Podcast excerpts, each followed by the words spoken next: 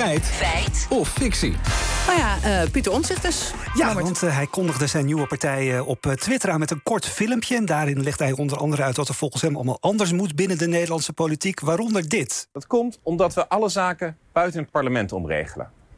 Met akkoorden, of tientallen miljarden buiten het parlement om uitgeven. Dat is een hele hoop geld. Uh, nou ja, de vraag is dan, klopt dat? Ja, nou, dat zal de Algemene Rekenkamer vast wel weten... die het beleid van de regering altijd uh, kritisch volgt. Maar het is al een beetje verkiezingstijd... en dus willen ze daarom nu niet reageren. Maar natuurlijk zijn we niet voor één gat te vangen. Dus door naar parlementair wetenschapper Johan van Merriamboer. Ik denk dat het gaat over noodgevallen. Daar moet sprake van zijn, wil je dus een extra begroting indienen. Nou, bovenaan staat dan, staan al de uitgaven die uh, verband houden met corona. En dat is op allerlei beleidsterreinen gebeurd. En daarna kreeg je ook uitgaven die verband hielden met de oorlog in Oekraïne. Dus de vele uh, miljoenen aan steun die is toegezegd. Dat kun je vooraf niet in begroting vatten. Dat is er pas later bijgekomen. Daar ging het dan op. Hmm. En, maar is Nederland dan uniek in deze uitgaven? Nee, dat uh, zijn we niet. Hans Koop Roeksteeg, hoogleraar staatsrecht aan de Radboud Universiteit, maakt een vergelijking met ons buurland.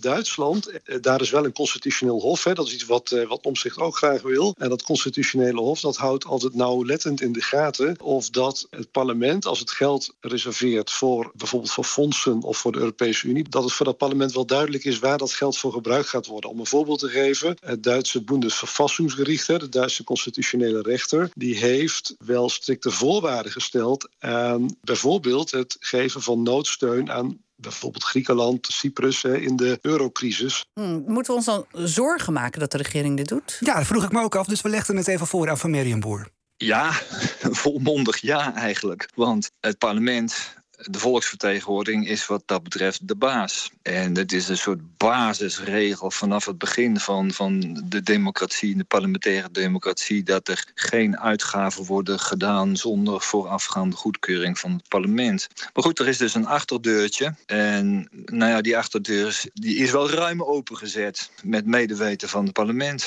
helaas. Maar, maar hoe ging het dan in het verleden? Want is dat, gebeurde dit toen ook? Ja, de staatsrechtjurist Han Warmelink weet er alles van. Hij promoveerde op het onderwerp parlement en begroting. En hij vertelt ons even hoe het ongeveer nou, 50 jaar geleden ging. In de jaren 80 uh, is, is, jarenlang helemaal geen jaarrekening van de overheid vastgesteld. En die werd niet eens opgemaakt en, uh, en, werd er dus ook, en werd er ook helemaal niet goedgekeurd.